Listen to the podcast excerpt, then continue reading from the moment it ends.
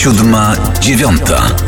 Twój początek dnia. Godzina 8.30 minęła. Kolejny gość w naszym studiu, z czego bardzo się cieszymy. Zatrzęsienie dzisiaj tych gości, którzy nas e, odwiedzają. Dla nas to jest e, znak tego, że wszystko powoli, powoli wraca na stare tory. Maciej Zaniewicz, ekspert Polskiego Instytutu Spraw Międzynarodowych, z którym porozmawiamy na temat Ukrainy. Dzień dobry. Dzień dobry. Na Ukrainie gości prezydent Andrzej Duda, goszczą także e, przywódcy, politycy innych państw. Została zainaugurowana platforma E, krymska. Gdybyśmy o tej inicjatywie mogli powiedzieć, co strona ukraińska chce e, poprzez tę inicjatywę osiągnąć.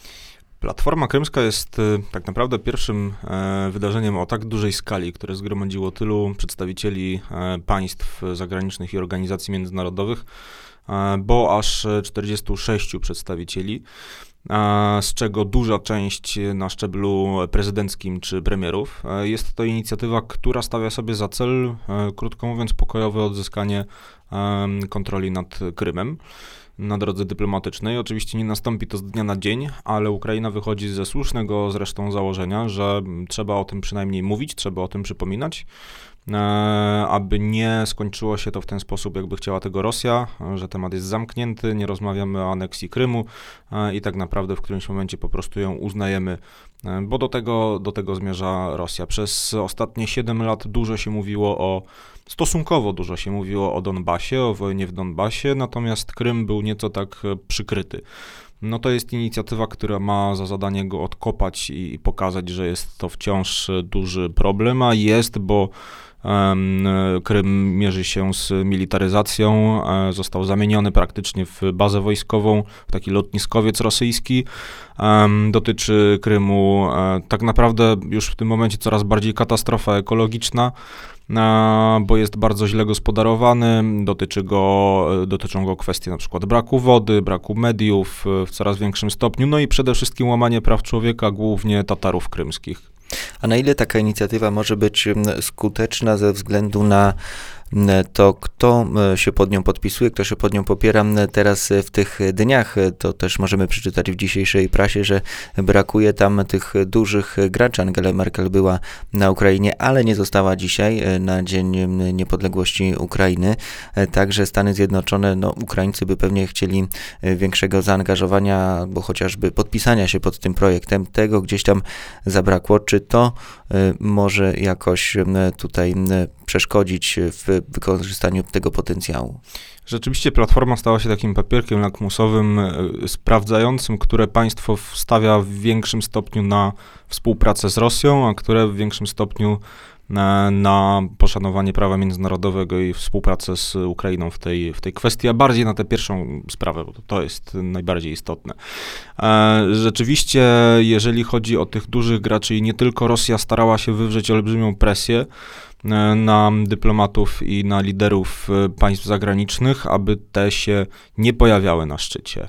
E, dochodziło do takich sytuacji, że w ostatniej chwili były przerywane rozmowy telefoniczne, czy też w ogóle do nich nie dochodziło, głównie jeżeli chodzi o państwa afrykańskie czy Ameryki Południowej, które to kontynenty w ogóle nie były reprezentowane na tej platformie. Jeżeli chodzi o liderów takich dużych krajów, to rzeczywiście może nie jest to porażka, ale mm, pokazuje to nieco podejście takich państw jak Francja czy Niemcy, czy Stany Zjednoczone, które nie wysłały, e, czy to kanclerz, czy to po prostu głowy państw, tylko wysłały delegacje na szczeblu ministerialnym, czyli jednak dużo niższym niż e, szczebel reprezentowany przez Polskę czy Rumunię. E, a więc rzeczywiście pod tym względem widzimy, że takie państwa jak Francja czy Niemcy no, nie chciały drażnić Rosji w tej kwestii. E, ponieważ bardzo ostro reagowała w ogóle na samą inicjatywę, na sam, na sam pomysł Platformy Krymskiej. E, natomiast z drugiej strony mamy cały szereg państw naszego regionu, takie jak Polska, właśnie Finlandia, Rumunia, Czechy, Słowacja, które wysłały swoje delegacje na najwyższym szczeblu, co też pokazuje, że jednoczy nas wspólne poczucie zagrożenia ze strony Rosji. A jak w ogóle Ukraina się w tej sytuacji międzynarodowej teraz odnajduje, kiedy mamy Nord Stream 2, nie został on zablokowany. Jeżeli chodzi o te kwestie gospodarcze, o bezpieczeństwo energetyczne, jak Ukraina tutaj zamierza sobie poradzić? Jeżeli chodzi o Nord Stream 2, rzeczywiście jest to duży problem, bo nie został zablokowany i bardzo prawdopodobne, że zostanie uruchomiony we wrześniu, mówi się o 12 września. E, jest to problem polegający na tym, że w tym momencie nie rozmawia się nawet o samej blokadzie, tylko o rekompensatach dla Ukrainy za otwarcie Nord Stream 2, bo musimy sobie zdać sprawę z tego, że otwarcie tego gazociągu może skutkować całkowitym wstrzymaniem tranzytu przez terytorium Ukrainy, a to są konkretne e, zyski, to jest ponad miliard dolarów rocznie. W związku z tym i tutaj kluczowe jest to, że firma, która zajmuje się przesyłem e, tego gazu, 80% swoich zysków czerpie właśnie z e, tranzytu. Jeżeli zostanie od nich odcięta, to wzrosną ceny gazu, krótko mówiąc, dla społeczności, dla, dla Ukraińców, a to się przełoży na duże niezadowolenie społeczne i będzie dużym problemem dla ukraińskich władz. Dlatego Ukraina stara się uzyskać te rekompensaty.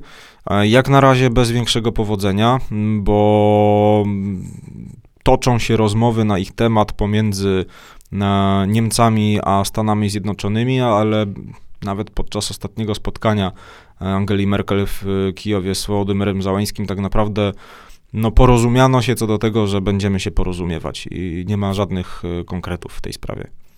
E, Ukraina e, musi się zmagać z tymi kwestiami związanymi z bezpieczeństwem energetycznym. Zastanawiam się, bo teraz e, w kontekście tej wizyty prezydenta Andrzeja Dudy, tego zbliżenia polsko-ukraińskiego i też dużo na ten temat czytamy w internecie, na ile te rzeczy, które między Polską a Ukrainą są kością niezgody, głównie tutaj kwestie związane z historią e, burzliwą, wspólną, nie przeszkodzą e, w porozumieniu i na ile też one może nie będą wykorzystywane przez inne strony, którym takie porozumienie nie jest na rękę.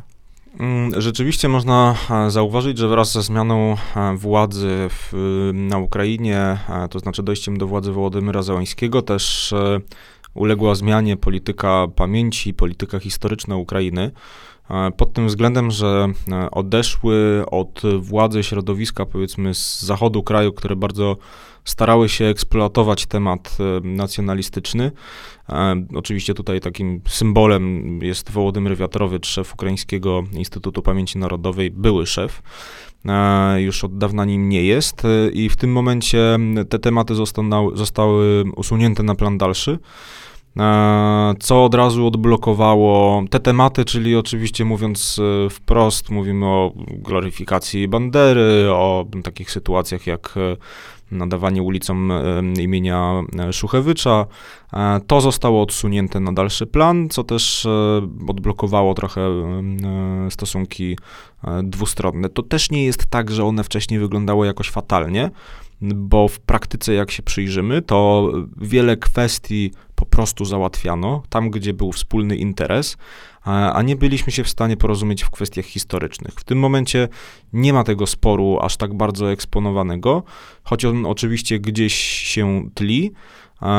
I może zostać wykorzystany też przez e, zewnętrzne strony. Mamy na myśli oczywiście Rosję, które mogą prowokować chociażby w ten sposób, że będą e, niszczyły e, nagrobki żołnierzy ukraińskich e, w Polsce, czy też żołnierzy polskich na Ukrainie. Na ile te manewry na Białorusi i w Rosji, które się zbliżają, które są przed nami we wrześniu, też budzą zaniepokojenie po stronie ukraińskiej?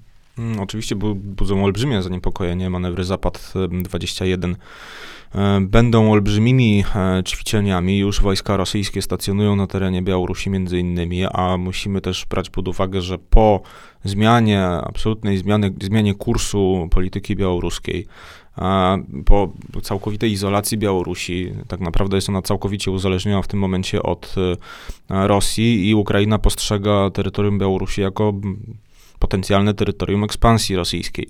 A więc mamy olbrzymią część granicy północnej, y, północnej i wschodniej, z której może nastąpić inwazja. Więc y, z perspektywy plus jeszcze Tą wiosną zostało dyslokowanych około ponad 100 tysięcy żołnierzy rosyjskich u granic Ukrainy.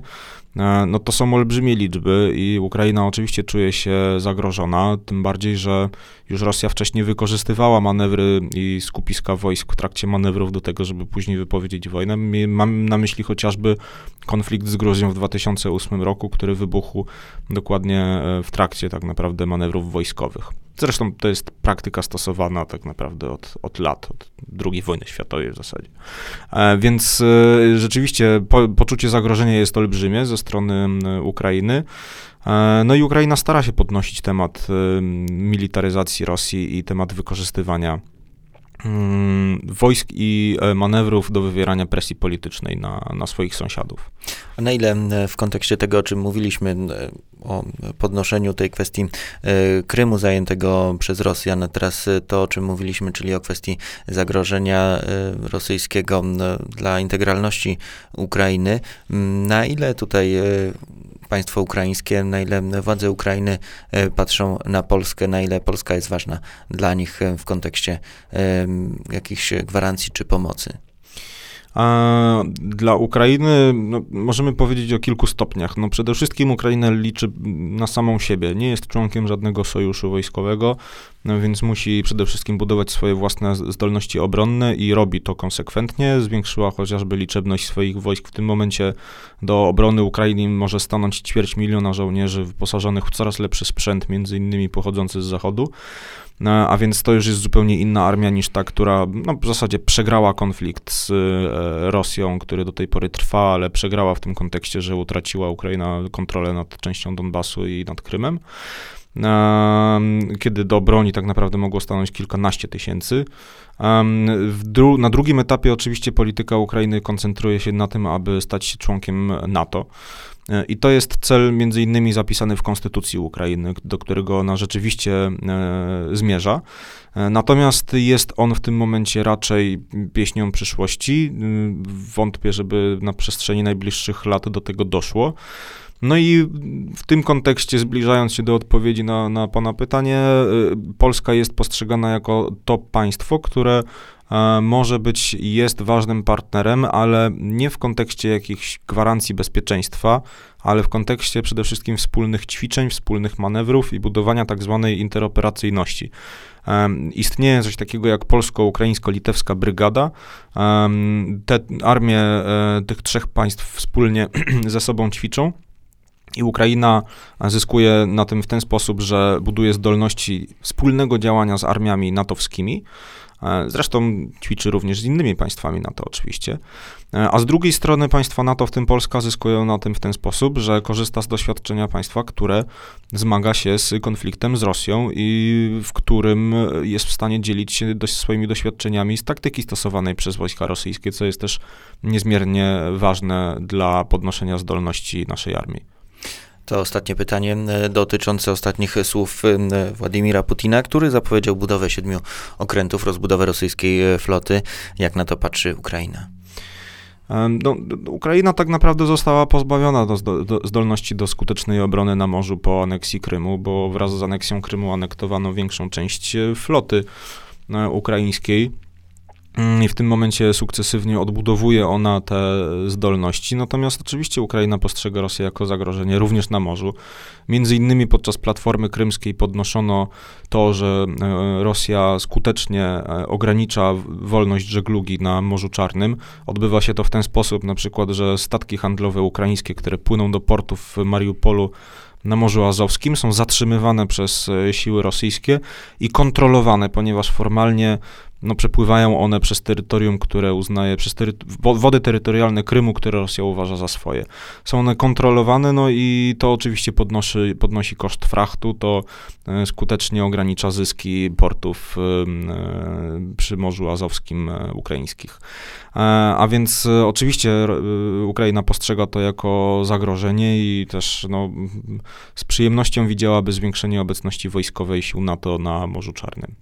A zobaczymy, czy e, w najbliższym czasie to nastąpi. Raczej koniunktura jest e, póki co chyba nieco e, odwrotna. Maciej Zaniewicz, ekspert do spraw Ukrainy, Polski Instytut Spraw Międzynarodowych, był gościem poranka 7.9. Bardzo dziękujemy. Dziękuję również. Siódma, dziewiąta. Twój początek dnia.